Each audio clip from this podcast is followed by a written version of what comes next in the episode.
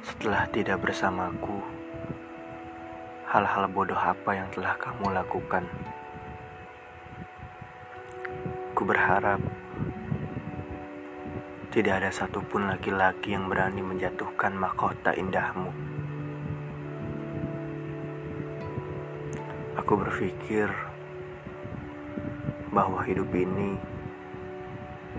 terlalu membahayakan untuk diri kita sendiri, dan kita tidak pernah tahu apa yang bakalan terjadi di kemudian hari.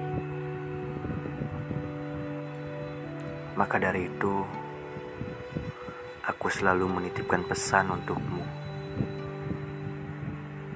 Tolong, tolong jaga dirimu baik-baik. Tolong jaga kehormatanmu. Tolong jaga mahkota indahmu.